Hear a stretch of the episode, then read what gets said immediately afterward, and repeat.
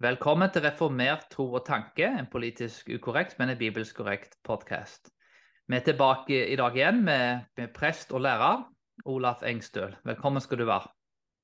Hjertelig takk, Jonas. En glede å være med igjen. Veldig kjekt at du har tatt deg tid til å fortsette den samtalen som vi hadde videre. Og for de som lurte på hva vi snakket om forrige gang, så går det an å gå tilbake og, på podkasten og se den, den forrige episoden der vi tok opp forskjellige spørsmål med kristendom og politikk, og om kristne bør delta i politikken. Litt om vår historie i forhold til disse tingene, og dette med etiske idealer og politisk engasjement.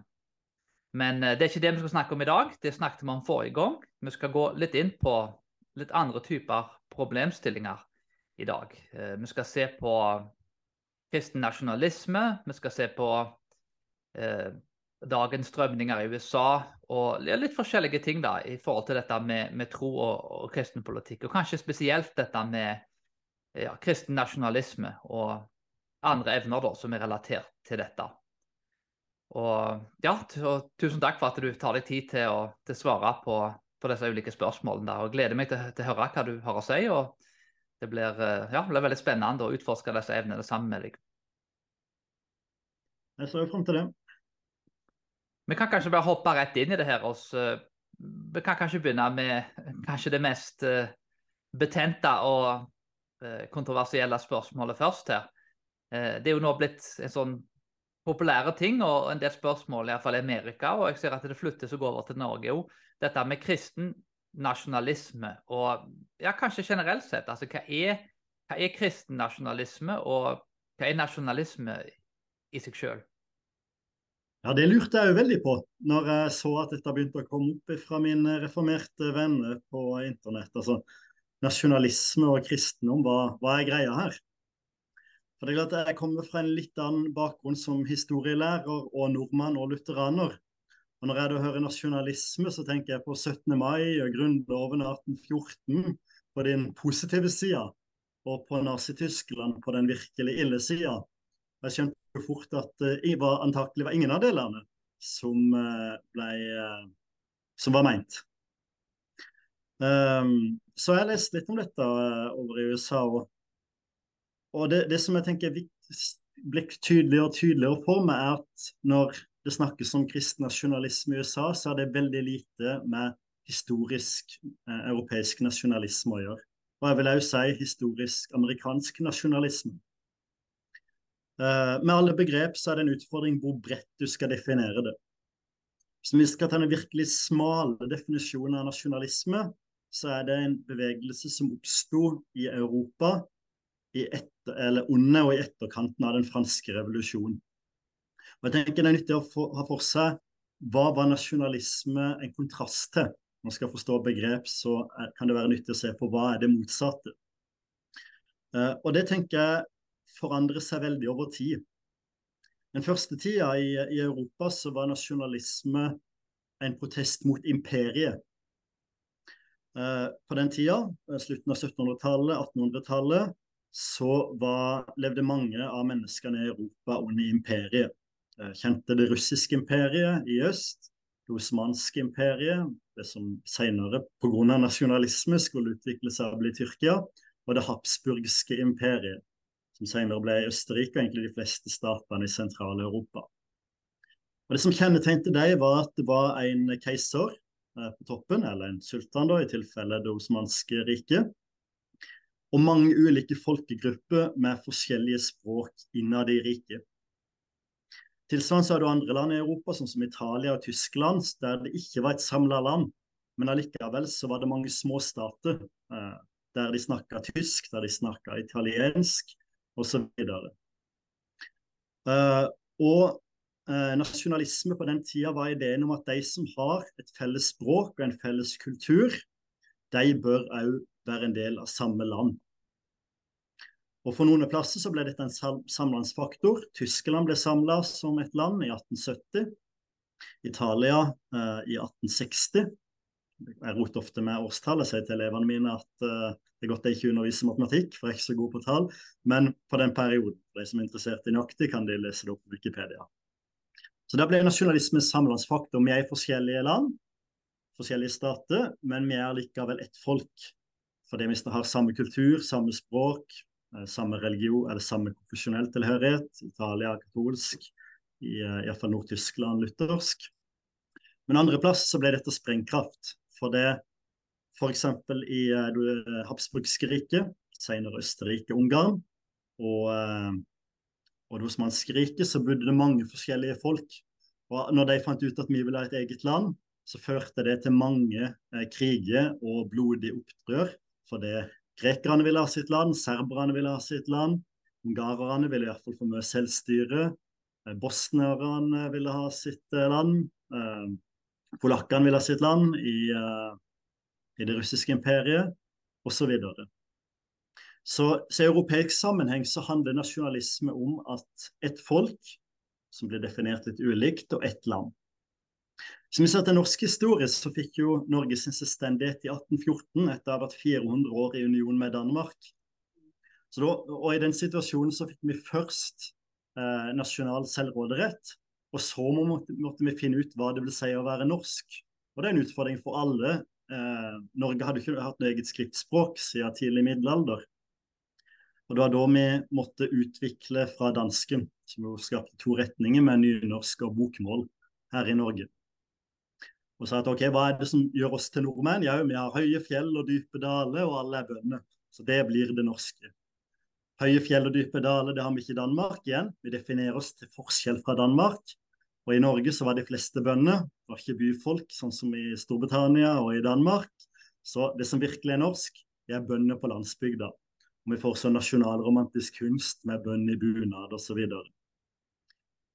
Vi skal jo snakke om politiske strømninger. Det, det er viktig å merke seg at det forandrer seg veldig over tid. I den første halvdelen av 1800-tallet så er nasjonalisme en veldig progressiv strømning, kan jeg si, på venstresida. Eh, sosialisme kom senere, så det var mer liberale strømninger. Vi skal danne et, eh, et liberalt demokrati, vi skal ha borgerrettigheter, Eh, kongen må, kan godt kanskje være der. Noen ganger så vi ha, vil vi ha republikk òg, men i hvert fall er det folket som skal styre, og ikke en eneveldig konge, som kanskje ikke er av vårt folk ennå. Dessverre hadde en fransk konge, f.eks.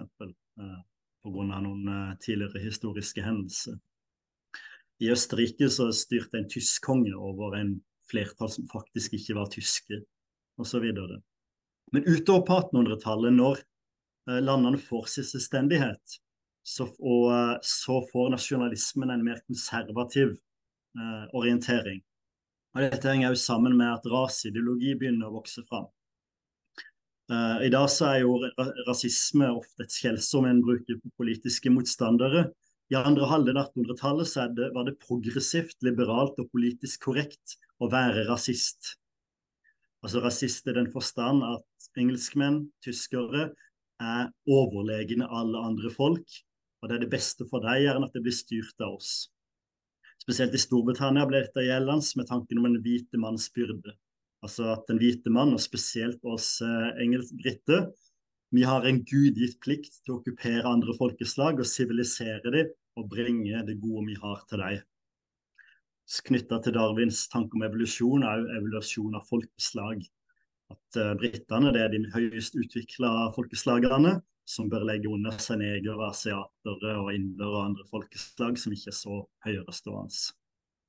Sånn sett er det jo litt spesielt at dette kommer fra USA. For det jeg kan jo tenke ok, USA der er jo ikke en nasjon. Det har aldri vært en nasjon i europeisk forstand ut ifra sånn som vi definerer nasjonalisme. Altså Helt fra starten av så har det ikke vært sånn at USA for engelskmenn, selv om de som grunnla USA i all hovedsak var britisk herkomst. Nei, Helt siden starten, og enda mer etter hvert, så har det vært ulike folkeslag, ulike etnisiteter, og i stor grad òg ulike språk. Eh, jeg har lest litt spesielt om lutherske innvandrere til USA, og de holdt jo på tysk som sitt kirkespråk til godt ut på 1900-tallet, en del av det. Tilsvarende i en del nederlandskreformerte menigheter så overlever nederlandsk eh, nesten fram til vår tid store reformerte bauta som Cornelius van Til og, eh, og uh, var jo mer bekvem på nederlandsk enn han var på engelsk når han skrev på etter, ja, på midten av, av 1900-tallet. Så, så, det er litt rart når, når amerikanerne kommer og sier vi skal ha nasjonalisme, og så tenker vi som en europeer, men dere har aldri vært en nasjonalstat. Hva er det dere mener? Så For meg så framstår eh, begrepet kristen nasjonalisme ut til å være mer i kontrast til internasjonalt samarbeid og innvandring. Eh, men det har egentlig lite med europeisk nasjonalisme å gjøre. Ble veldig langt omfattende, men du får heller spørre utdypningsspørsmål. Ja, nei, men det, det er veldig, veldig opplysende å, å, lære om nasjonalismen. Jeg tror ofte at vi får svært dårlig informasjon om nasjonalisme.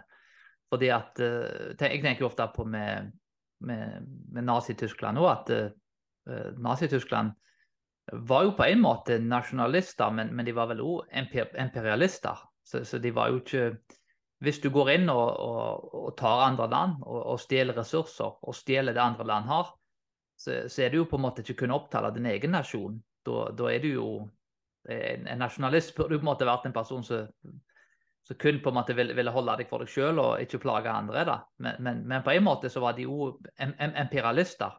At de ville presse sitt syn da på, på resten av, av befolkningen. Det er at Den virkelig store imperialistene på 1800-tallet var jo britene. Men de hadde naturlig ingen interesse av å fremme nasjonalisme. Og det er De fleste som bodde i det britiske imperiet, var ikke briter. Men altså, indere må for all del ikke bli nasjonalister. Og Da ville de jo løsrive seg fra det britiske imperiet, hvilket jo var det som skjedde da. Og På mange måter er det jo nasjonalisme som fører til oppløsning av det britiske imperiet. Og Det er jo litt interessant det, det, det du nevner der, at det, det, er ulike former her for, for nasjonalisme, både med, med England og, og, Tyskland så vel som andre land. Eh, at eh, det, er så mange nyanser som forsvinner ofte i, i, i, disse samtalene. Og bare det med at nasjonalisme er jo ikke nødvendigvis noe som, som alltid trenger nødvendigvis være høyreorientert. Men, men, det å forandre seg altså, På en periode så var, var nasjonalisme knytta til venstresida. For det er jo nasjonalsosialister som, som argumenterte for at vi, vi, vil, vi, vil, at de som bor innenfor denne geografiske grensa, arbeiderklassen skal få det bedre. Og de imperialistene, de som bor i andre land, de, de vil jo eh, ta vekk rettigheter fra arbeiderne. mener De vil, det, en, de mente det var en form for plundring. da, Har man nasjonalisme, så får hver person da i det landet vil få det bedre. da, så Det er faktisk bra for arbeiderklassen. Så Det er jo litt interessant å se at nasjonalisme, til tross for i dag at det ligger mer på høyresida, så har det ikke alltid vært sånn. Det er et begrep som eh, Høyre og venstre er jo egentlig noe som, som forandrer seg. Høyre og venstre i Amerika er noe helt annet enn høyre og venstre i Norge. Så en, en, det er viktig å forstå begrepene, der, sånn at en ikke lar seg fange på en måte av, av svart-hvitt type formidling. hvis vi snakker litt historisk høyre-venstre-side, Hvis du er på høyresida i Frankrike tidlig 1800-tall, så er du mot demokrati og for absolutt monarki. Ja, det, er, det er ingenting med, med sånn som vi tenker høyre-venstre-sida. Og tilsvarende som du sier, altså USA og Norge, to forskjellige ting eh, høyresida i, i, Russland, venstresida. Eh, det er ikke spesielt nyttige begreper utenfor en gitt politisk kontekst, gjerne til og med betinget til en land. Samme det du sier med altså nasjonalisme. Nasjonalisme er knytta til alle mulige rare ideer. Og jeg tror ikke det er riktig i dag heller å si at nasjonalisme er knytta til høyresida. For å ta noen eksempler fra europeisk eh, politikk i dag. Det skotske nasjonalistpartiet, som vil at eh, Skottland skal løsrive seg fra Storbritannia, er i stor grad på linje med det britiske arbeiderpartiet Labour, altså plassert på venstresida i en britisk politikk. Tilsvarende en av de sterkeste nasjonalistbevegelsene vi har i, i Europa, i Catalonia i Nordøst-Spania, er jo plassert på venstresida og ønsker løsrivelse fra, fra Spania. For å ta et, et virkelig ytterliggående eksempel. Den polske nasjonalistbevegelsen var i stor grad kommunister. David Ben-Gurion, som var den første statsminister i Israel, var leder for det polske kommunistpartiet, som òg var sterkt nasjonalistisk, i den forstand at den ville løsrive seg fra det russiske imperiet. Og Det er litt interessant det du sier der, at Israel var jo var jo ikke jeg, altså Det var et land som i stor grad var veldig sterkt påvirka av, av, mer sekulære og sosialistiske jøder. Så, så det var jo, og, og De ville jo opprette en, en, en, form da for i hvert fall en, en jødisk identitet og en, en, form for en nasjon. Og så du sier da at det er jo ja, det kommer jo faktisk fra sosialister. og Så det er jo et begrep som sagt i seg selv som heller ikke nødvendigvis alltid trenger verken være negativt altså, eller positivt, dette med nasjonalist. Litt avhengig av da, hva, en legger i det. Uh, for det, uh, det er et begrep som, som du nevner da, som, som kan bety så utrolig mange forskjellige ting etter hvor du er og, og hva situasjon du er i. Det er klart det er jo en interessant sak eh, med Afghanistan i dag. Altså USA gikk inn der og forsøkte å danne en nasjon. Altså at alle folket um, opp, eller opptrådte lojalt overfor staten, overfor nasjonen. Det er ikke tilfellet fordi nasjonen står i så sterk kontrast til stammetenkninga. Altså at det er ikke nasjonalisme, det er stam, stammisme eller lojaliteten til stammen som er avgjørende, ikke lojaliteten til nasjonen. Så, så nasjonalismen noen plasser står jo i kontrast til det å bygge, bygge en tenkt nasjon sammen. Sammen med mange, mange afrikanske land. ok? En delte opp land i uh, et, uh, med, med, linjedeler og passere når uh, koloniveldet til britene og franskmennene ble avvikla. Men det viktige, viktige for folkene der var ikke hvilken nasjon de havna i, det var om de havna med den rette stammen. Og enda verre at ikke de havna i samme nasjon med den gale stammen. Noe som jo førte til en del konflikter, dessverre folkemord.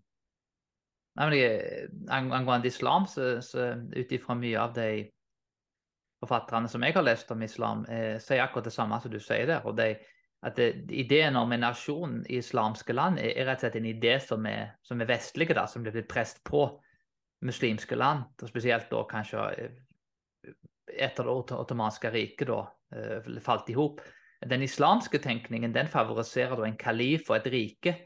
Så det, denne tenkningen om et rike kan du si, er egentlig en, en, en ting som, som, ligger mye nærmere islamsk tenkning enn en, eh, altså den ideen om en nasjon er faktisk noe som blitt presset på muslimene, som egentlig ikke er en islamsk idé. Det samme gjelder den indiske forfatter Mishal Mangalwadi, sier at India, ideen om et, liksom et, et samla India, en nasjon med et språk, er, mente han da var en, en idé som kom egentlig fra, fra England. Det, det, var ikke en idé for, altså, altså, Kanskje ubevisst, da. De ville jo kanskje ikke at det skulle skje. Men han mente at det var misjonærene blant annet, og så samla sammen språkene da men, men kan, vi si at, at altså en, en, god, sunn form for nasjonalisme, da, eller for nasjonen, kanskje et bedre uttrykk, eh, kommer da ifra Det gamle testamentet, og kanskje òg fra den protestantiske reformasjonen, der protestantismen da knuste kan du si, det, det, det romer, romerske riket. Eh, katolikkene så vel på den tida på seg selv som et romersk-katolsk rike, og det ble jo da ødelagt da av reformasjonen og, og protestantismen. Og da var det jo til og med Luther og, og mer i protestantisk tenkning, ifølge en jødisk tenker som heter Joram Hasoni, eh, vektlegger da at både både jødisk og protestantisk tenkning så er dette da med nasjonen uh, en ting som, som, ligger nærmere opp mot deres tekster. Og Da snakker jeg jo ikke om en, en negativ form for, for nasjon eller nasjonalisme. Det, tror du at det er Jeg kjente ikke til det med, med, det jødiske. for det, Min forståelse har vært at fram til moderne tid så har den jødiske tenkninga vært knytta til å være i diasporaen. Altså at vi, vi, er ikke en del av de nasjonene vi er, med unntak av en del liberale strømninger, f.eks. i Tyskland. Altså vi er, en, vi er en marginalisert minoritet og må prøve å forholde oss til det. Men det har vært interessant å lese mer om det. Uh, og igjen så her kommer jo hvor snevert uh, definerer nasjonalisme. valuta Luther nasjonalist? Vel, han spiller sterkt på det tyske, i hvert fall. Vi oss tyskere skal ikke betale skatt som går til Roma. Men samtidig så er det lite som tyder på at han så det som noe, noe sak at italienere var i det tysk-romerske riket, som på det tidspunktet både omfatta tysktalende og, og andre folkegrupper italienere. Um, når det kommer til, til det bibelske og, og, og, det teologiske, så er det jo interessant at nasjonene jo er Guds straff over menneskene. Altså, Babels tårn er jo eh, en straff der menneskene får ulike språk og, og nasjonene blir danna. Og motstykket til Babels tårn finner vi på pinsedag, der mennesker forstår hverandre på tross av språkforskjeller, og sånn sett den nasjonale hindringa blir fjerna. Eller i hvert fall gjort mindre. På, før pinsedag så var jo så å si alle som er en del av troens folk, eh, jøde. Men det pinsedag markerer en, eh, en forandring til, er jo at Guds rike blir, er noe for alle mennesker. Og evangeliet skal forkynnes på alle språk, til alle folkeslag. Og Sånn sett så er det kristne mer som en kontrast til det nasjonalistiske. OK, jeg er nordmann, definitivt. Uh, men jeg er jo òg kristen. En kamerat av meg spurte at, uh, som, som, nylig var blitt kristen, spurte men jeg tenker kanskje å reise til utlandet, er det da dumt å bli med i en menighet? Så svarte jeg nei, selvfølgelig ikke. Altså Det meste du blir med her i Norge, er jo en nasjonal størrelse. Det norske skytterforbundet har ikke noe tilsvarende av det i Tyskland eller USA. Men kirka derimot er en av de få virkelig internasjonale størrelsene. Og Det som er i Europa når nasjonalismen vokser fram, at en av kritikerne til det er jo nettopp den katolske kirke. Nei, altså det, det viktigste identitetsmarkøren for oss er ikke om vi er nordmenn eller tysker eller franskmenn, men at vi tror på Jesus og er kristne. Eh, så jeg tenker selvfølgelig ikke er noe galt å å ha en, stolthet av å være nordmann og en bevissthet av å være nordmann. Men det er litt sånn kristen først og nordmann etterpå. Litt sånn som apropos en annen debatt det der med kjønn. Ja, jeg er mann, men jeg er jo først og fremst kristen. Ja, nei, det, det, det kommer med et veldig godt poeng der. Og det, og det er jo kanskje noe med altså Grunnen til at disse spørsmålene her blir, blir stilt, er vel kanskje på, på av mye av den globalistiske utviklingen. og vet jeg, I Amerika så er det jo vanlig at de sier både at høyresida og venstresida er globalister. Høyresida rigger systemet økonomisk kanskje i større grad. Det er vel kanskje i stort tilfelle med, med venstresida. Det er veldig mye milliardærer der òg, da. Eh, men, men, men, politisk sett da, så, er det kanskje mer venstresida som på en måte vil Mens, mens venstresida og høyresida jobber i lag da, for å overstyre de nasjonale rettighetene. Og det er jo bl.a. En, en, grunn mange sier til Trump vant, da. At jeg skal ta bedriftene tilbake til Amerika. Jeg, han, altså han, han, han, vil få jobbene tilbake. Han høres jo ironisk nok ut som en, som en arbeiderklassemann. Altså, en kunne vært på Arbeiderpartiet kanskje tilbake i tida med Gerhardsen. og liksom, Vi skal få jobbene deres tilbake. Og veldig populære da, blant da, middelklassen spesielt, og, og i forhold til arbeiderklassen. Og det var jo nettopp dette med at uh, elitene, sammen de venstre eller høyre, er imot nasjonalisme. De vil ikke at vi skal ha en nasjon sånn at de kan plyndre oss. Og venstre, Både venstre og høyresida jobber i lag om dette, både politisk og økonomisk. De store bedriftene betaler da politikerne da, for å rigge systemet mot den lille karen. Eh, det har liksom vært den eh, teorien, da, da altså iallfall den måten en del folk der borte har tenkt på. Og de mener, Det er en del folk som tenker at løsningen er å være nasjonalister. Vi vil at bedriftene våre skal være i Amerika. Vi vil ikke de skal være i Kina eller Mexico. Eh, vi, vi, vi, vil at politikerne skal jobbe for nasjonale interesser og sette Amerika først. Eh, eller det kan være i andre land i Europa òg, at vi setter vårt land først. Våre politikere jobber da ikke for internasjonale og globale interesser. De skal jobbe for oss først, og, og heller for andre land etterpå. Så det er liksom å sette sitt eget land først, da det gjelder både de som selvsagt er, er, har mye penger, og de som har mye politisk makt. Eh, hvordan bør en tenke om disse tingene? Det var en beskrivelse av hvordan det var, og hvordan jeg opplever at folk tenker.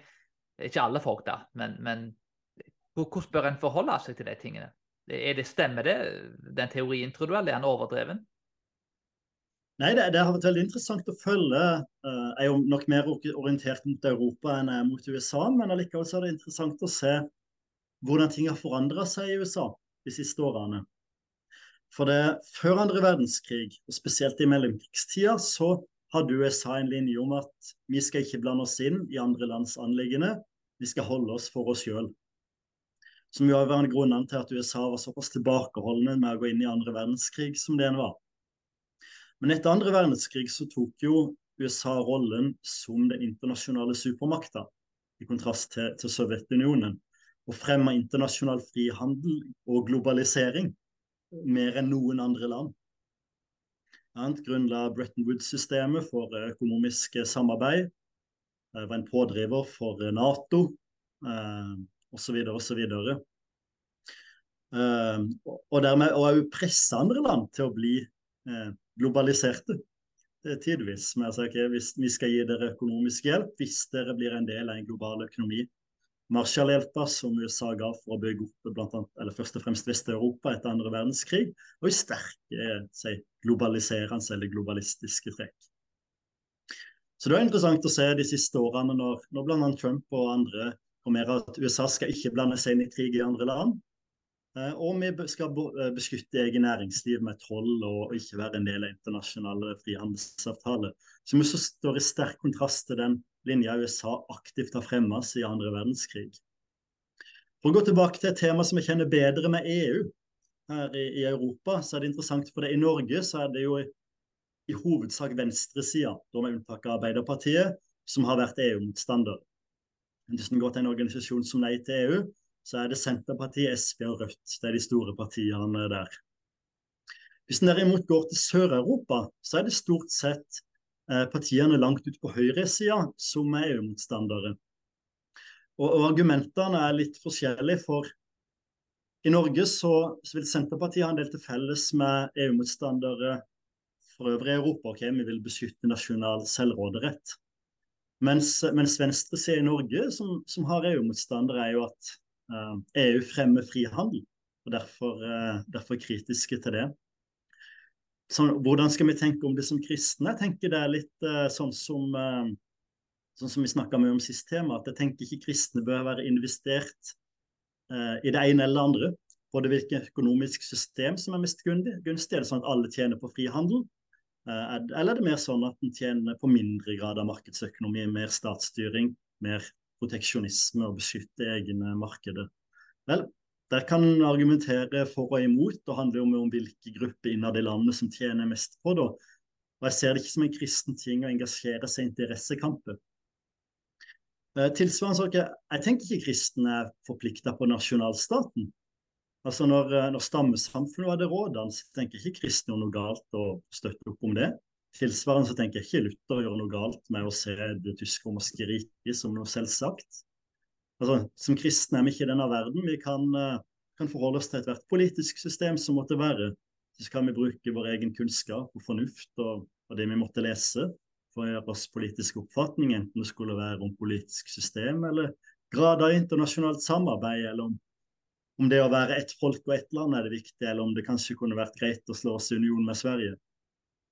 Ta, og Det syns jeg er litt rart når det blir noe kristent å støtte det å sette nordmenn først og være norsk. Altså, for det første er det ikke noe særlig kristent å bry seg om seg, om seg sjøl. Som kristne blir vi kalt til å tjene andre mer enn å hevde sine selvinteresse. Men spesielt det etiske med å støtte opp om sin nasjon. Eh, min svigermor er britisk, fant en norsk mann og flytta over her for 35 eh, år siden. Gjorde hun noe galt med å forlate sitt eh, land, Storbritannia, og slå seg ned i Norge? Altså Hvis en tenker at nasjonalisme er noe spesifikt kristen, så er det jo lett å si at hun gjorde det. Hun burde støtte sitt folk i Storbritannia istedenfor å bli med det av nordmennene. Men jeg syns det er veldig vanskelig å argumentere for. Ja, nei, du har et godt poeng. Jeg er jo selv gift med en, med en innvandrer da, fra en annen etnisitet. og vi er jo eh, kan jo begge, begge da, gifte oss med noen da, fra en annen nasjon. Så vi er kanskje begge kjettere da, hvis vi skulle holdt et, et sterkt nasjonalistisk syn på ting. da. Og jeg tror nok at en, en, en skal være forsiktig altså, og så binde samvittigheten ut ifra hva Bibelen sier, på ting som på ingen slags måte verken er primære og sekundære. Eh, de må vel kanskje gå inn i en, en tredje-fjerde kategori uh, utover hva Bibelen sier om ting. Altså, Bibelen gir oss jo visse prinsipper, men men kan, kanskje, kanskje, vi bør tenke mer eh, altså, teleologisk og mer resultatorientert i ting. At det beste politiske systemet må jo være det systemet som, som, faktisk Jeg vet ikke om du kan bevise det heller, da, hva som er det beste, men, men det som produserer da, det beste samfunnet og beste resultater for mest mulig folk. Så det må jo vel være det må vel i større grad kanskje være det som funker, da, i, i stor grad. Iallfall til en viss grad bør det være det. da det som faktisk virkelig skaper et godt samfunn, der nestkjærligheten kan bli praktisert og, og, og anvendt til mest, mest mulig folk. Da, at, at, de får det bra, da, at den fattige blir løftet opp, og, og at en elsker vår neste som oss sjøl. Men, men, jeg vet ikke om det er noe system som kan Vi er ikke enige, kanskje, folk hva, hva system som skaper de resultatene. Så Det er jo et annet problem igjen. Ja, det er jo det. Eh, og vi og alle barn av vår tid. altså Vi, vi har tro på i stor grad av frihandel. Altså Selv om vi snakker om å, om, eh, om å beskytte markedene våre, så lever vi i en, eh, en tid der vi er vant med å kjøpe mobiltelefoner som er produsert i Kina og designet av amerikanerne. Og vi har ikke tenkt å slutte med det, selv om vi er glad i Norge. Absolutt. da, og det med frihandel, da, det er jo selvsagt hva en mener med det. Og, men i seg selv så er det jo et, fritt marked og en frihandel. Jeg tror, det er jo en korrelering altså, med det hvis du ser på statistisk sett. Det er landene som har mest frihandel, er jo som regel, vel nesten uten unntak, det er landene som, som er mest utvikla. Men samtidig da, så, så, må det vel være noen, noen begrensninger med tanke på at uh, ja, eh, giftstoffer i mat, og det kan være noen ting der vi åpenbart vil at staten skal komme inn med strenge lover med korrupsjon og andre ting. Så gjør det at uh, folk ikke kan berike seg selv og på å skade andre. Så det er jo en, en balanse selvsagt som må has der òg, da. Men, men. Men det er jo der jeg tenker at Vi som kristne har et veldig godt utgangspunkt. for det Vi har noen verdier, noen plikter vi skal opprettholde. Vi skal redusere lidelse og øke glede. og Vi skal ikke vi skal beskytte menneskets liv. Så vi, så vi har etikken, vi har bør-premisset, og så er vi fri til å høre på gode argumenter på ære og ikke. Altså, de fleste land beskytter sitt eget landbruk i større eller mindre grad. Altså å ha landbrukssubsidier osv. Og, så videre, og ha tollmurer mot, uh, mot, andre land for å sikre for en, en, uh, en, nasjonal matforsyning. Så skal vi høre på fornuftige argumenter. Okay, Hvor mye mat er det lurt å importere? Eh, skal vi gjøre sånn som Storbritannia, importere stort sett alt? Eller skal vi gjøre sånn som Norge og uh, ha skyhøye tollsatser på det meste og importere minst mulig? Eller sånn det er vel som... kanskje noe, noe, med det at en, med tanke på at land er såpass ulike, så er det vel heller ikke nødvendig kanskje at hvert land, eh, når det kristne livssynet kommer inn i et land og har påvirka en kultur, så, så, så, vil jo måtte den kulturen, det landet med sin historie, må, må utvikle Eh, på en måte sin versjon av, av, hva som er funksjonelt. For det er jo ikke alle tingene som nødvendigvis fungerer likt i alle land. De, de bibelske prinsippene vil ikke se identiske ut i, i praksis når, når, det kommer til politikk, f.eks. Det er noen ting Singapore er jo et eksempel. Nå er ikke Singapore vel et kristent land, men, men eh, det er jo et, et, form for et diktatur. Men, men eh, et svært velfungerende diktatur som, som kan sies å være ekstremt funksjonelt er det da galt å si at det systemet, da? Altså, vi er for demokrati. Men, eh, men, der er det liksom, hvis du kaster en tyggegummi eller tar stoff inn i Singapore, da, så ligger du ganske dårlig an etterpå. da. Så det er jo ekstremt strengt, og, i hvert fall i forhold til norsk standard. sånn, og, men, men, men, kanskje det ikke blir rett av oss å si med den historien og den geografien de har, så, så har de jo klart å skape et mye bedre land enn, en de aller fleste andre land i verden. Og, og det, det, kan jo argumenteres da, at, at det er et system da, som, som, i det tilfellet fungerer for deg. Så, som gjør at den vanlige personen i Singapore har ganske høy livskvalitet. Ja. Som sagt, altså, fra Bibelen så har vi noen eh, tanker om hva som er rett og galt. og Det syns jeg er litt Det skuffer meg litt når kristen i offentlig debatt ser ut til å være mest opptatt av å fremme sitt eget ve og vel mer enn hva som er rett for mennesker generelt. Ja, ta, ta i norsk debatt, eh, der vi har hatt, litt om at, eller, hatt en del debatt om at Norge selger en del strøm til Europa. Eh, og en tanke om at det er nordmenns interesse som er det viktigste. Hvorfor er det det? Hvorfor er det viktig at eh, nordmenn kan bruke masse billig strøm mens tyskere fryser? Er det noe etisk høyverdig ved det? Nei, Det er et, et, et, veldig godt spørsmål. Jeg, det var en ganske dyr eh, strømregning her. Nå fyrte jeg mye. Da hadde jeg heldigvis mye ved, da, så da slapp jeg nok unna det verste. da. Men, men det er jo selvsagt ikke kjekt å få en høy strømregning. Men, uh, men nei da, det, det, men det er iallfall en, en sak som bør vurderes. Ja, hvordan en bør tenke etisk om de tingene der. Altså, selvfølgelig er det kjipt med, med dyrere strøm, men er det at jeg skal ha billigere strøm viktigere enn at en tysker skal ha billigere strøm? Nei, det er jo en sånn barmhjertig samaritan-type spørsmål. kan du si da. Skal en da ja, hjelpe de da som, som, er i nød, eller skal en da sette seg selv først? da, og Jeg tror nok at vi har fått prinsippene og, og visdommen, uavhengig av hva, hva konklusjonen ender opp på. Så, så, men, men anvendelsen av de vil nok da en, en, må jo på en måte godta at kristne da ender opp på ulike konklusjoner på, på de ulike tingene. da. Det, det er nok der kanskje mer svarlig, og Dermed også vet jeg ikke om jeg har et, et, et godt bibelsk svar. Jeg kan ikke sagt komme med, det, et eget svar. Men, men, når det kommer til politikk, så bør en kanskje formulere seg litt mer forsiktig, og spesielt som, som, som pastor og prest. Og, og, kanskje som kristen òg, at en da heller foreslår det at det, sånn har jeg valgt å anvende det, og jeg ser på det sånn, men, men ikke nødvendigvis at det står spikra fast og skåret inn i steintavler. For det er jo det jeg tenker litt av problemet ligger med, med kristen nasjonalisme. Altså, jeg anser nasjonalisme for å være et legitimt standpunkt å ta. Uh, men jeg ser det ikke som noe mer kristent enn å være for imperiet eller for, uh, for global handel. Eller til og med for stammetenkninger, sånn som Abraham og gjengen levde.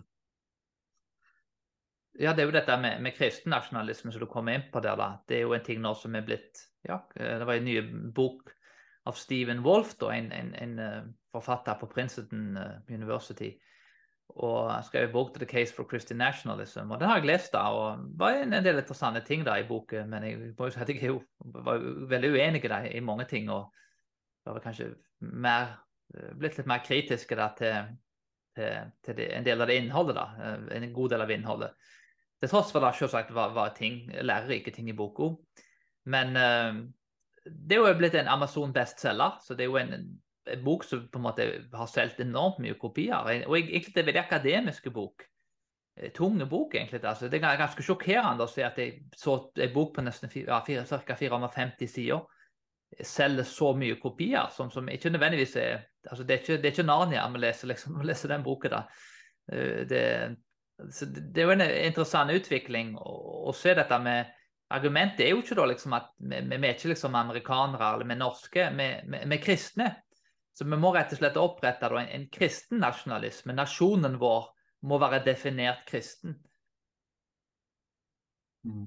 Ja, for, for, det var det jeg satt igjen med, at det var mer en tanke om at staten skulle være kristen. Mer enn nasjonalisme i en europeisk forstand. Og det er klart, i, I amerikansk historie så har jo nasjonalisme, i den grad det har vært det, vært knytta om at den støtter opp om nasjonenes verdier, mens etnisitet ikke blir sett på som viktig fram til borgerkrigen, og dessverre etterpå ble hudfarge sett på som viktig. Men hvorvidt du er fra Italia eller Skandinavia eller England, det er ikke så avgjørende. Men det gjelder å støtte opp om nasjonens verdier, og på den negative sida ha rett hudfarge. Så, så, det ser ut til å knytte seg litt til en tradisjon at, at det handler om å støtte opp om ideen om USA som en kristen nasjon, da. Mer enn nasjonalisme, sånn som man gjerne snakker om det andre plasser. Tenker du det ja. kan forstå det på? Det har vel aldri på en måte vært en, en idé som har fått noe annet gjennomslag i, i, Amerika. Amerika har jo, som du nevnte da, altså, til og med under borgerrettighetene med Martin Luther King jr., så var det jo nettopp det at uh, Likt var det jo med Abraham Lincoln med avskaffelsen av slaveri, at uh, Amerika måtte leve opp til 'living up to its creed', som jeg sier da altså, du har sett leve opp til dokumentene sine, de grunnleggende dokumentene. For her står det at alle folk er skapt like. Men, men svarte har jo ikke blitt behandla likt i amerikansk historie. Og dermed da, så Martin Luther King jr. sa ikke liksom la oss kaste dokumentene brenne de opp. Nei, vi må faktisk sørge for at disse dokumentene blir anvendt til hele befolkningen. Så Dokumentene er fantastiske. Problemet er bare at de gjelder ikke for oss. Vi vil at de skal gjelde for oss òg. Så dokumentene i seg selv må på en måte bare anvendes til, til, til, til svarte. da. Og, så Hans argumentasjon var jo det at uh, ja, Amerika har dette med at etnisitet er ikke viktig, men de har ikke levd opp til sin egen etikk. Og dermed, så, så, hvis det blir forandra, så kan ting bli bedre. Og det var jo en, en ting som han, han, fikk gjennomslag på, beklageligvis, da, så, så ble han jo drept. Men vi hadde likevel en enormt positive ringvirkninger etterpå. Eh, så, og at svarte da fikk borgerrettigheter og, og ble behandla mm, mye, mye bedre enn de gjorde tidligere. Til tross for det er jo åpenbart ringvirkninger i, i dagens kultur av, av, den amerikanske historien på det området. da. I motsetning i England så var det vel mer klasseforskjeller der, der hvite rikfolk og øvre klassen har vel undertrykt kanskje mer hvite fra de, de lavere klassene, men i Amerika så flyttes dette med klasse så går over til rase. Så Det var det en større grad diskriminering mot rase da i plassen for klasse.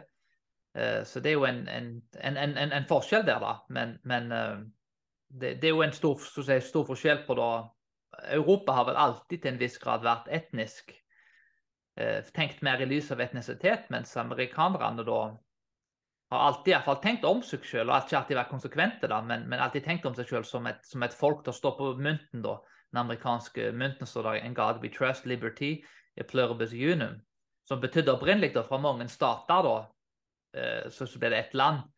Men i dag da, så ble det brukt da, på en måte der ulike etnisiteter, ulike grupper, og vi kan likevel være samla under ett land. Eh, så, så det er nok en, en helt annen tenkning der borte. Så de gjør det på en måte de har nok en etnisk nasjonalisme. Hvis det skulle få gjennomslag i Amerika, det, det ser jeg på nesten som, som helt umulig. Veldig uamerikansk i hvert fall.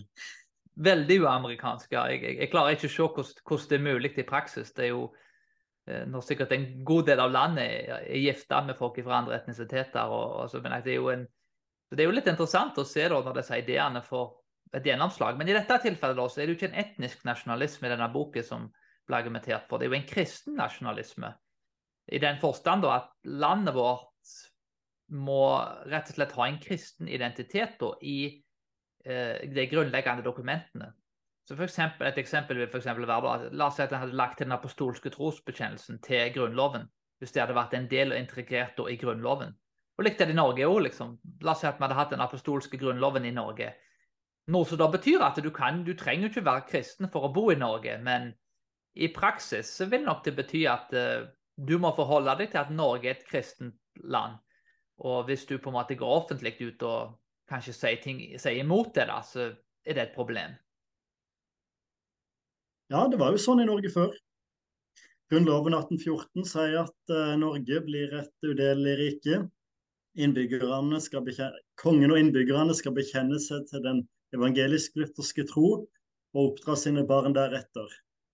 Jøder og jesuitter har ikke adgang til riket. Så i 1814 så hadde ikke det reformerte fått lov å danne noen menighet i Norge, eller ha posisjon i staten. Men, men tilfellet er jo at, uh, at det skaper bare masse hykleri. Ja, ok, Du sier at det er en god lutheraner, men bryr deg katten om hva som står i Bibelen? Enda mindre hva som måtte stå i det lutherske bekjennelse. Altså Når en et, sier at et land er kristen, så får en ikke et land av kristen, for et land av hyklere. Det er jo et godt poeng der. da, En kristen nasjonalisme kommer vel kanskje fra vikingkongene, da, mm, til en viss grad brukte sverdet. for at, at, Europa generelt sett ble vel til en viss grad kristne ovenfra. Så der er denne mentaliteten da, om at svært mange ble kristne. Men det betyr ikke nødvendigvis at folk faktisk ble kristne. At de ble regenerert og født på nytt i mm. hjertene deres. Så, så, og det er jo en ting som Det går tilbake til et eksempel i konfirmasjon. Så vet jeg i dag det er flere eksempler på konfirmasjon der jeg har hørt at alle som ble konfirmert, er artister, utenom kanskje to stykk. Så du mm. konfirmerer troen din i det offentlige, men du er en artist. Og det er ikke det at en, en skal ikke forvente at folk har en fattelig selvreflekterte tro der de leser liksom alt av Ole Hallesby på en måte før de er 15. Men, men, men en, en, skulle i hvert fall trodd at det, det, må jo være ett kriterium, om ikke noe annet at du må tro på Gud. Liksom. Det, det, burde jo vært noe, tenker jeg, da, som, som var grunnleggende. For, for blant annet skal du håndheve det, da? Hmm? Hvordan skal du håndheve det? Ok, La oss si at vi sier i Grunnloven at alle som skal ha politiske verv, de skal være kristne. Så det koster ikke noe for en ateist å si at han har en kristen tro. Og vi har jo store nok utfordringer i menigheten til å utfordre og gi trygghet til de som har grunnlag for trygghet, og gi anfektelse til de som ikke har sin sak i orden. For ikke snakke om hvordan vi har vært i en nasjon. Nei, det, si det, går, det går ikke an. Og I Amerika så har de jo hatt det i lang tid at du skal ikke ha noen religiøse test for å delta i ha politiske verv. At uh, skal, altså, dette, dette, med, religion er jo en viktig ting, men, men, men det skal ikke det, det, skal ikke være avgjørende for om du kan, kan komme inn da, i politikken. Men hvordan blir det da med Et annet spørsmål da som vi kan hoppe videre til her når vi, når vi først er inne på dette med kristen, kristen nasjonalisme, er jo da med Dette henger jo godt sammen med, med kristen nasjon og dette med blasfemilover. Nå har jo Norge hatt blasfemilover, og nå har det vel vært en, mer en sovende paragraf som, som ikke nødvendigvis har, har, vært i funksjon. Men, men bl.a. Ole Hallesby var jo involvert vel der i en, en, av de siste sakene der, på en måte, før, før ting kanskje forandra seg eh, til, til, til, å bli noe annet enn hva det var før. Men er det bra med blasfemilover? Altså, kan du fortelle litt om norsk historie i forhold til blasfemilover? Hvordan Norge har praktisert og kanskje hvordan vi bør praktisere det? Eh, altså, eller ikke bør praktisere det. Ja, både i Norge og i Europa generelt er det en utfordring at når en har eh, enten en statskirke, sånn som en har i protestantiske land, eller tette bånd mellom kirkemakt og kongemakt, sånn som det er katolske land, så vil både kirketukt og blasfemilov være mer et politisk virkemiddel enn noe, noe religiøst. Men når, når leser det som kommer reformasjonen, så kunne de stort sett si det samme som Martin Luther uten å få problemet. Problemet er hvis de kritiserer kirka. Når en ser på hvem inkvisisjonen står ned på, så, så var det mange som mente mye rart de ikke slo ned på. Men det var når de utfordra kirkas makt som ble tilfellet.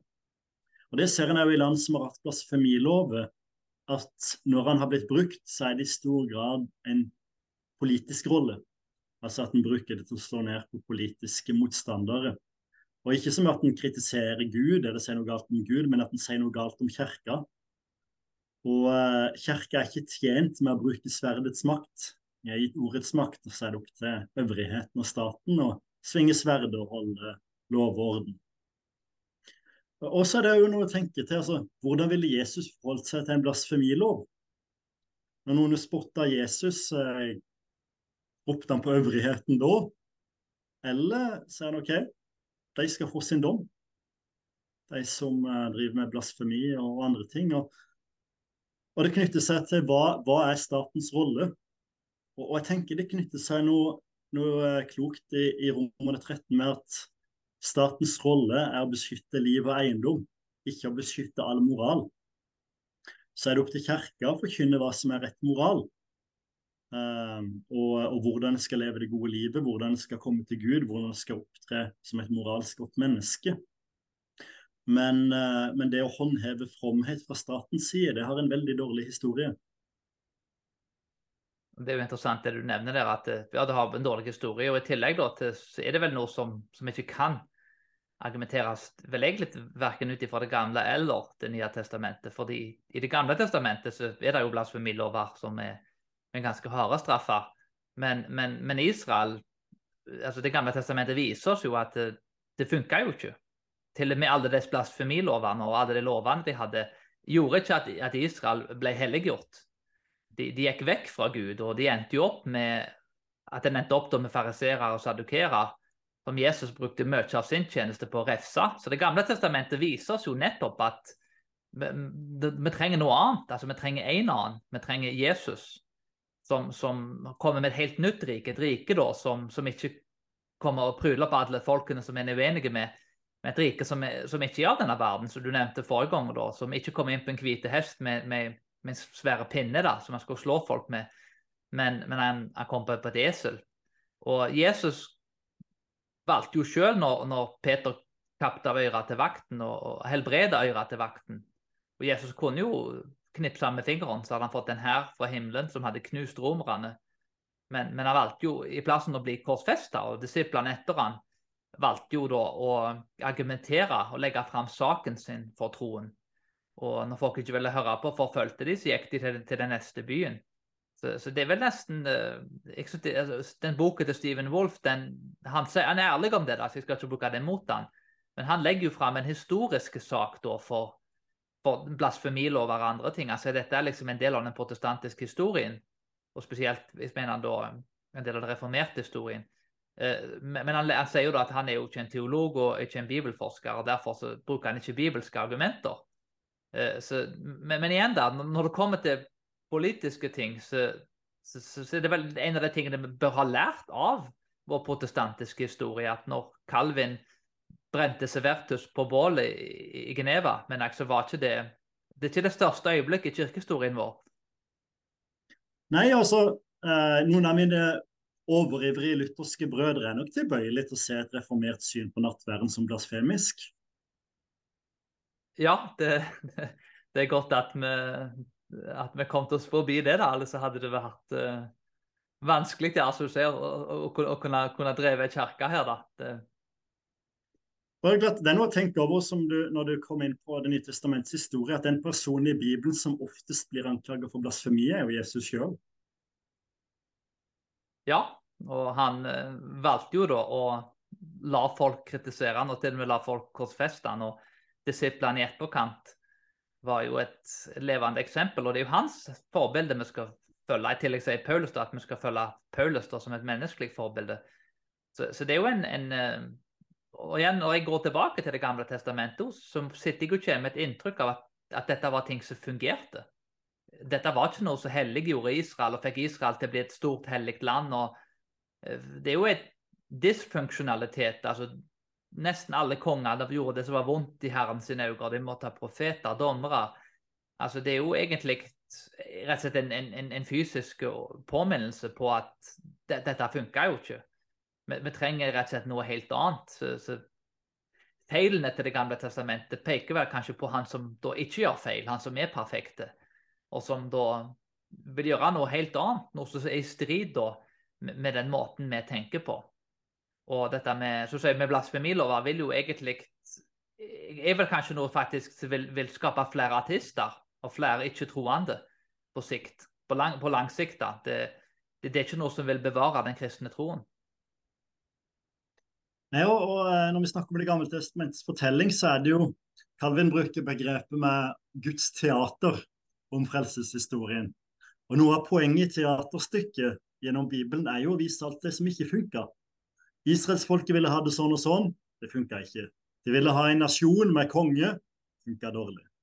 Trengte profeter som forkynte loven av det, det funka ikke.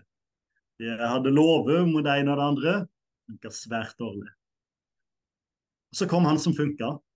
Eh, da kom Jesus og viste oss den gode vei, som var veldig lite opptatt av politikk. Ja, nei, det, det, og det er jo litt, litt interessant der, da, at en, en, jeg tenker ofte med, med, Konstantin der, at han um, Etter Konstantin kom inn, så, så, så, ble vi jo sendt rett inn i, i en middelalder, på en måte, der, der kirka da i den politiske delen av kirka ble, ble, forferdelig korrupte. Nå var det mange gode ting i middelalderen, og den middelalderen var jo absolutt ikke så mørke som mange skal ha den til. Men, men jeg tror nok det er til en viss grad sant at uh, mye av, av pavene og, og, og, mye av kirka, uh, iallfall den uh, institusjonen, ble veldig korrupte. Men det var jo heldigvis mange gode munker. og og mye av klostrene og munker og nonner som, som, som, var noen av de beste folkene sikkert som, som, som levde på den tida. Som gjorde forferdelig mange gode ting.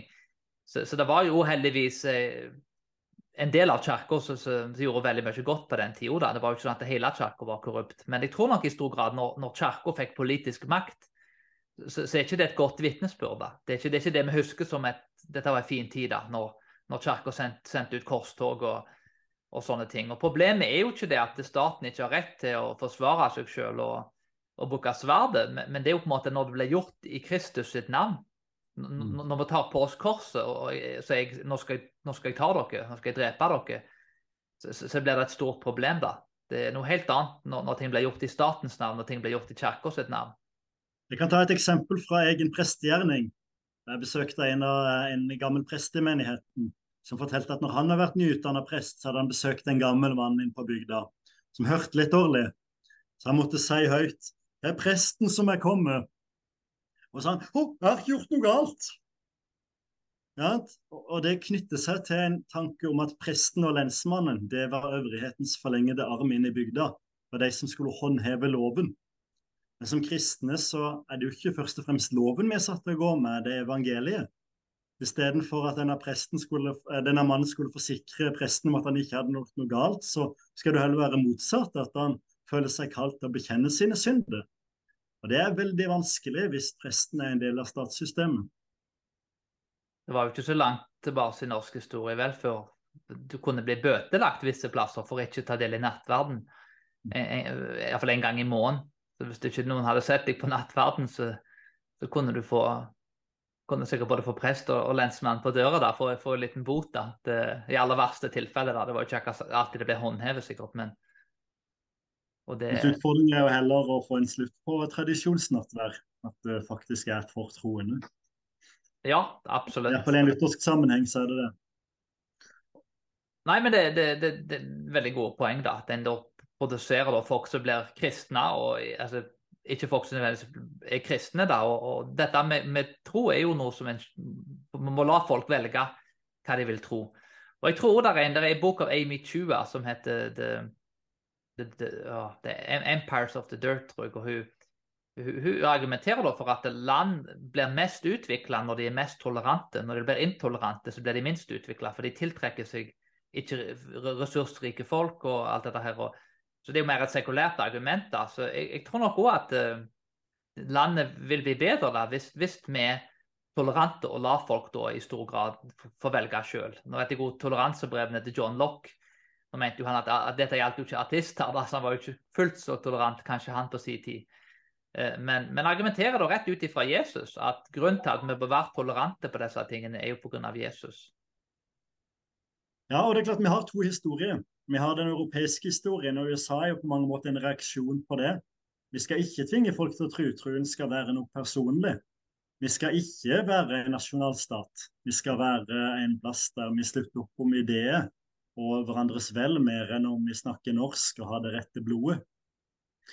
Eh, så da er det jo litt spesielt når eh, en får fra USA å trekke tilbake til noen av de dystrere delene av, norsk, av både norsk og europeisk kristen historie.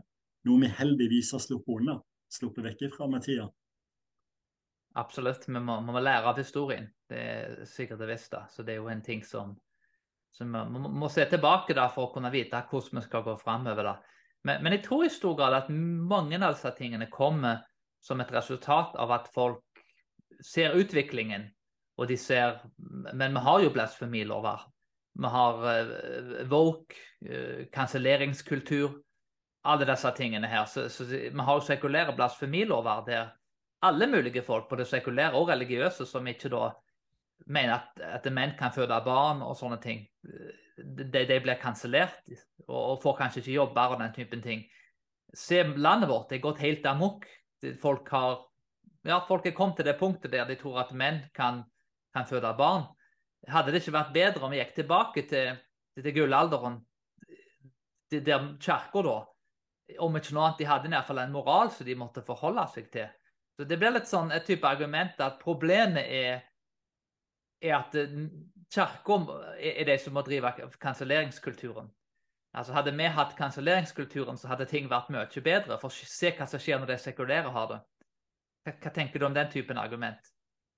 Jeg tenker Det bygger på en logisk feilslutning om falsk todeling. Det er faktisk ikke enten-eller. Um, og så tenker jeg at det strekker uh, blasfemibegrepet for langt. For stort sett så blir blasfemi definert som gudsbespottelse. Og Det tenker jeg er en definisjon det er verdt å holde på. Da burde en heller bruke begrepet sensur. Og eh, blasfemi er en form for sensur, som en kan tenke er god eller ikke. Hva er det sensur i dag? Ja, det er definitivt. F.eks. knytta til, til spørsmål om kjønn osv. Eh, men jeg tenker det blir uheldig å kalle det for blasfemilov. Det bør være uh, forbeholdt begrepet begrep med gudsbespottelse. Og spørsmålet ok, skal vi heller sensurere dem tilbake? Vel, vi har prøvd det. Uh, Europa har en veldig lang historie med sensur med, med voldsmakt. Ikke en veldig stolt historie. Men jeg tenker jo det er bedre å forkynne det som er rett, mer enn å tvinge noen til å si at de mener det som er rett. Altså, så, så, vi tror ikke at kristendom er noe som kan påtvinge mennesket. Det må være noe som velges. Som en av de store salmedikterne i, eh, i dansk-norsk historie, Grundtvig, skriver det, altså tvang til tro er dårers tale. Uh, og folk skal få lov å mene gale ting, og til og med si det. Uh, hvorvidt de skal få lov å lemleste forvirra tenåringer, er en annen sak. Men de skal få lov å være uenige i uh, gode lov som sikrer menneskeverd og menneskets ve og vel. Så Løsningen da blir på en måte ikke pga. at vi har kanselleringskultur og, og, sensur. Svaret er ikke da at kirka må ha sensur og kanselleringslover og blasfemilover. Løsningen er jo da at ingen bør ha det. For det er jo ingen på en måte som er hellige nok til å kunne sitte på en sånn stor pinne og pryle opp folk med. Så Det er jo, det er jo der kanskje svaret ligger. at vi, vi, vi, burde vel kanskje holde de, de kreftene vekke fra alle deler av, av, samfunnet. fordi det er ingen av oss som er verdige. Men til, det er jo kun Gud på en måte som, og Jesus som er hellige nok til å, til kunne utøve den typen makt på en, på en, på en hellig og god måte. da. Ja, det. Og så er det, Vi har jo prøvd dette før. Altså, Vi har hatt forbudet mot homofili, f.eks. Førte det til at uh, homo, uh, homobevegelsen forsvant vekk? Nei, det gjorde jo ikke det. Nei, en gjør jo i større grad bare at ting blir under jordet, og så ja. fram til at de blir sterke nok til å reise seg opp. da. Så Det er noe med det å være tolerant i den forstand at vi, vi, kan være stødige på det vi tror, men samtidig så, så må vi prøve å overbevise folk med argumenter. Med, altså må vi be for folk og forkynne Guds ord. da.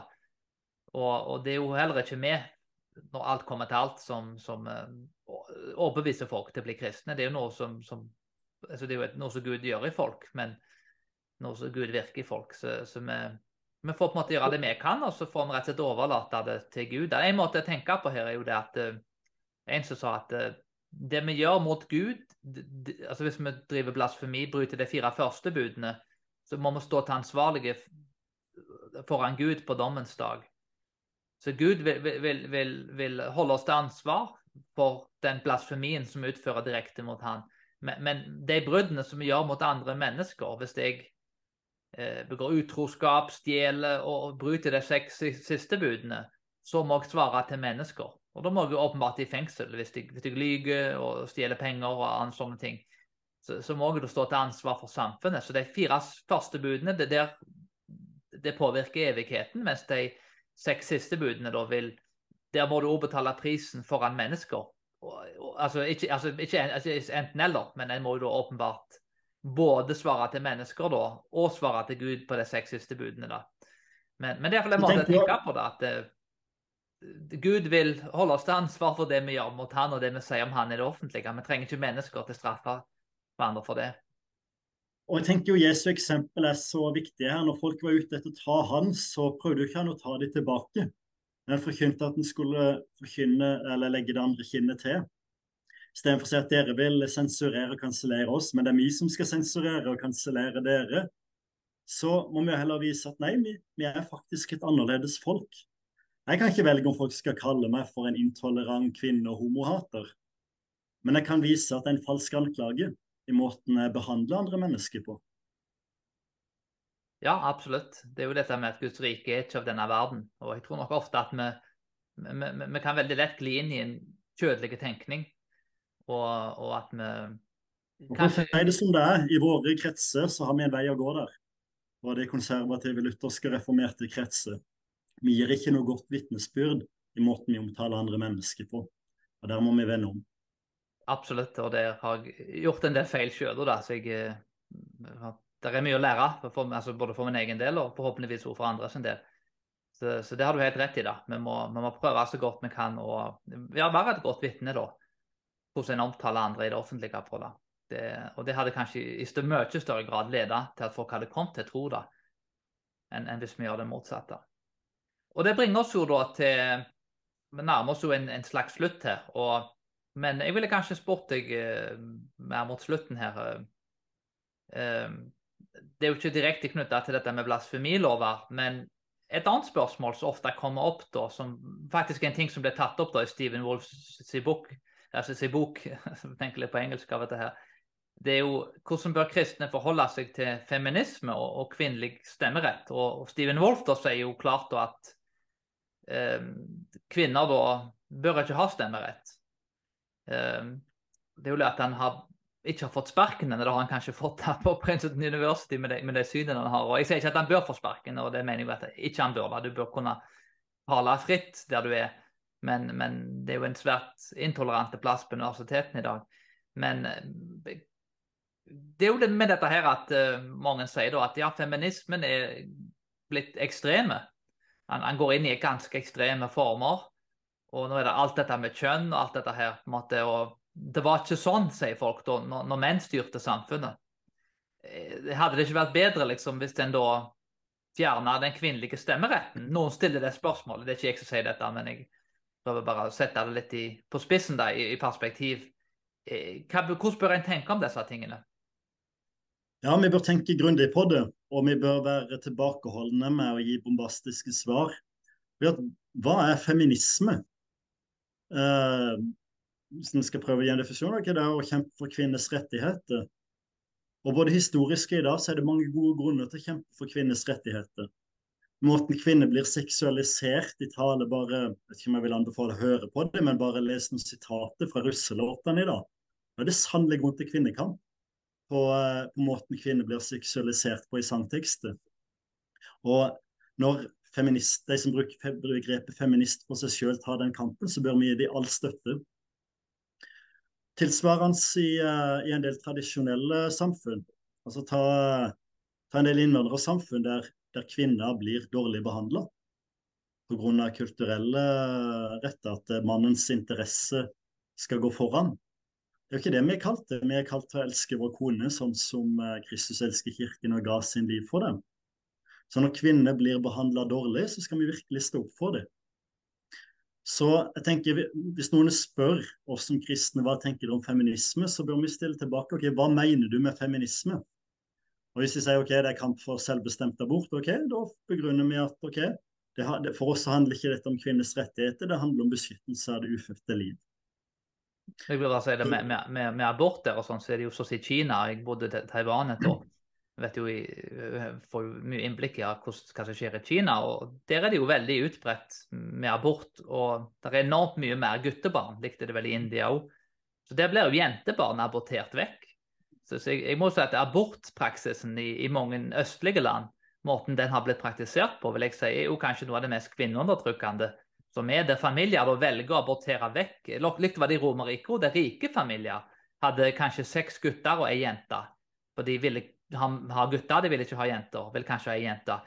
Så, så, så, jenter historisk sett, altså barnemord, eh, abort altså Måten de har blitt behandla på sånn, er jo altså, si, Abort har vel på mange måter altså, Den dag i dag da, er noe av det mest kvinneundertrykkende som eksisterer, da, ettersom at da, folk aborterer vekk jentene sine. da. Og Det er jo en tragisk utvikling. Så, så Abortpraksisen er jo eh, altså Det er jo ikke bare at en tar et liv, men en, en aborterer faktisk vekk og favoriserer faktisk gutten. Og det tenker jeg måtte være en, en kampsak for feminister. Det er vel ingen grunn, rett som er så grunnleggende som retten til å leve. Så der vil vi virkelig trenge litt uh, feministisk kamp. Når det kommer spesifikt til, til, kvinnelig stemmerett, så er det jo interessant uh, å legge merke til okay, hvilke saker var det som gjorde at kvinner fikk stemmerett i utgangspunktet. I USA så var det i stor grad forbudet mot uh, alkohol. Uh, der er noen, en del eh, mannlige politikere så all elendigheten alkohol skapte. Og Spesielt så gikk jo dette utover kvinner. Mannen gikk og drakk opp pengene, sånn at man, familien ikke hadde så mye å leve for, og ble kanskje voldelig mot kona når han kom hjem full. Da tenkte de ok, hvis vi kvinner stemmerett, så kommer de garantert til å stemme for forbud mot alkohol. Um, så, eh, men tilbake til det med stemmerett generelt. Um, er jo en menighet der vi verken har kvinnelige eldste eller prester. Vi har en uh, tanke om at uh, læreansvar er forbeholdt menn. Men vi ser det òg som et kirkelig anliggende. Jeg har vært inne på mange ganger dette med kirke, skillet mellom kirke og stat, med ordets makt og sverdets makt. Og jeg har vært inne på at Som kristne så bør vi ikke være investert i det ene politiske systemet eller det andre. Altså, Kristne kan leve med et system der ingen har stemmerett. De fleste kristne gjennom historien har levd i stater der ingen har hatt stemmerett. Uh, eh, verken menn eller kvinner. Og, um, og jeg, jeg er jo en barn av min tid for demokrati og alt sånt, bare for, for, å understreke det. Men når vi tenker at, uh, at det er et skille mellom kirke og stat, så tenker jeg ikke at at det er grunnlag for teologiske argument mot kvinnelig stemmerett. Og sånn sett I vår menighet så har òg kvinner stemmerett ved eldstevalg. Det ikke fordi de, eh, de skal gjøre en læreavgjørelse, men fordi de er like utrusta som menn til å vurdere personlig egnethet. Eh, med, så, så, så, for å si det enkelt, med mindre vi tenker at staten bør ta avgjørelse om kristent liv og lære, hvilket jeg tenker er nokså ettertrykkelig argumentert imot, så ser jeg ikke noe teologisk problem med kvinnelig stemmerett.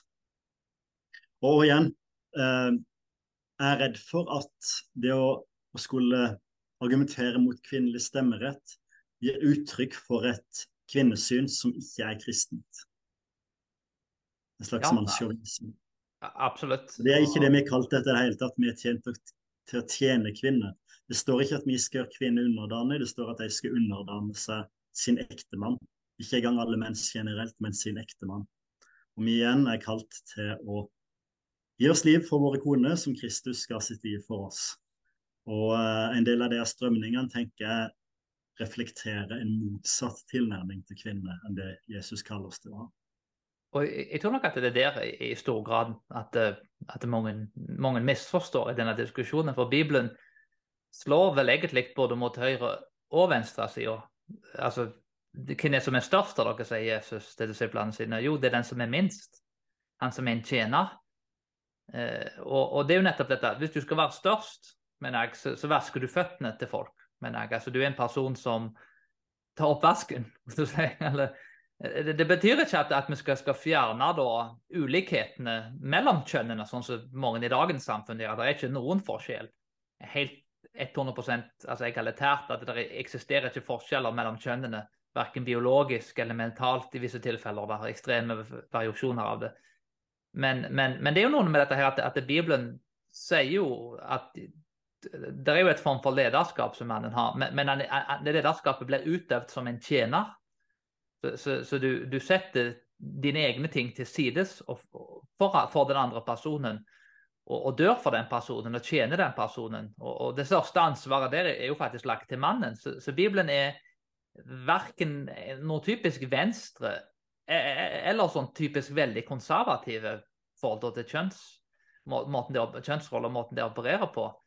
Eh, en gir oss de visse prinsippene, men, men det er jo ikke noe detaljert Talmud og en guide heller hvordan det ser ut i hvert ekteskap. Det er forskjellige personligheter, det er, er for, ufattelig mange forskjellige faktorer som spiller inn.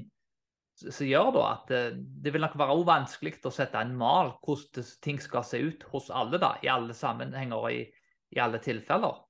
Så, så, jeg tror nok at den, den, spenningen der, det med at uh, Bibelen opprettholder et form for tjenende lederskap, er, er, noe som egentlig verken favoriserer da, det som er konservativt eller det som er liberalt, men, men, men flytter Bibelen over det Jesus sier da, at en flytter Guds rike over til et annet plan. da, at Dette riket er av en helt annen verden.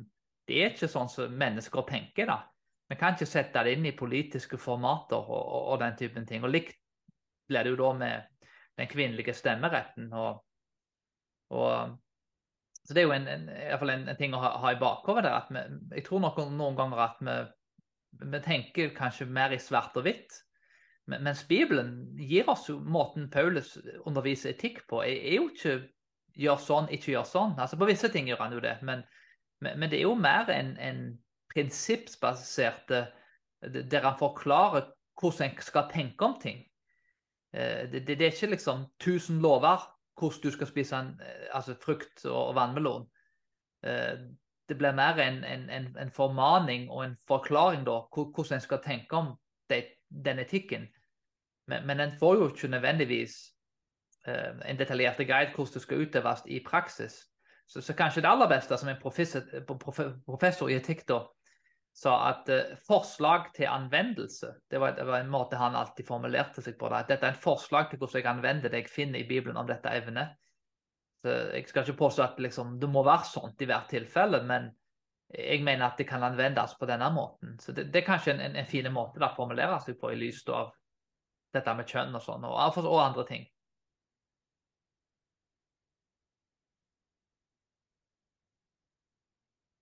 Yep.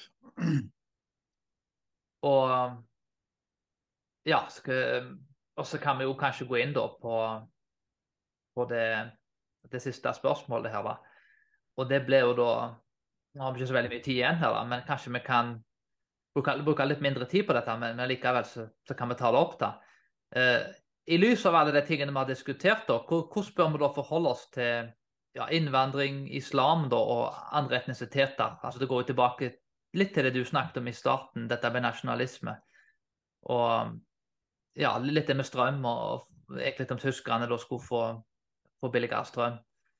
Eh, men, men, hvordan bør en da forholde seg til, til de tingene, da, så blir det en sånn kontroversiell problemstilling i dag? Jeg tenker vel det er utfallet til hva, hva for, fornuft eh, lærer oss. Vi har noen etiske prinsipper, at uh, vi skal være medmenneskelige overfor alle mennesker. Og så er det ulike hensyn og ulike informasjoner å vekte. Ja, det tror jeg er den rette måten å ja, forholde seg til det på. Da. Det er jo en eh, Jeg husker en gang jeg intervju med Tom Holland, han, historikeren og artisten. da, han, han, mente jo det med å at det da, Både dette med å hjelpe innvandrere, altså litt mer det venstresida sto for, og ord med litt mer Øst-Europa, det er liksom at du skal forsvare landet ditt. Altså, Han mente at begge de tingene var kristne. Og begge tingene kunne forsvares ut fra et kristent perspektiv. Du skal forsvare land, forsvare grensene, men du skal òg hjelpe innvandreren. Så han mente at det var ingenting på en måte som var mer eller mindre kristent enn den andre, da. Så det, det var en interessant ting for en, en veldig kjent artist da, og en veldig dyktig historiker å si. Men det er klart der Bibelen utfordrer oss, er jo eh, på å ta vare på mennesker som tenker og er annerledes. Jf. historien om den barmhjertige samaritan. Altså Samaritanerne var jo en jødiske kjettere og et utvanna folkeslag. Og allikevel er det jo nettopp derfor Jesus forteller historien om den barmhjertige samaritan. Hvem var det som var en neste for mennesket òg? Det var denne samaritanen med både i hvert fall gal religion og i noen grad òg gal etnisitet. Og med det da, Har du noen avslutningsord, en, en, oppsummering som du vil avslutte med her til oss? og Noen sånne siste ord? Ja, ha Jesus som eksempel, enkelt og, og godt. Og uh, unngå å gjøre uh, i og for seg gode politiske standpunkt til uh, noen investerer teologisk tyngde i. Hold evangeliet rent og hellig. Tusen takk skal du ha. Det var vise og, og gode ord. og Jeg vet i hvert fall for min del at jeg har lært veldig mange nye ting. da, Så du har gitt meg veldig mange nye ting å tenke på. Og det er jeg helt sikker på at de som hører på, vil sitte igjen med etter de har hørt på dette. Tusen takk skal du ha. Vi håper snart å, å, å se deg igjen. Kanskje om kanskje litt mindre kontroversielle ting i, i framtida. Men uh, tusen takk skal du ha for at du tok deg tid til å være med oss i dag. Takk for at jeg ble invitert, og takk for praten.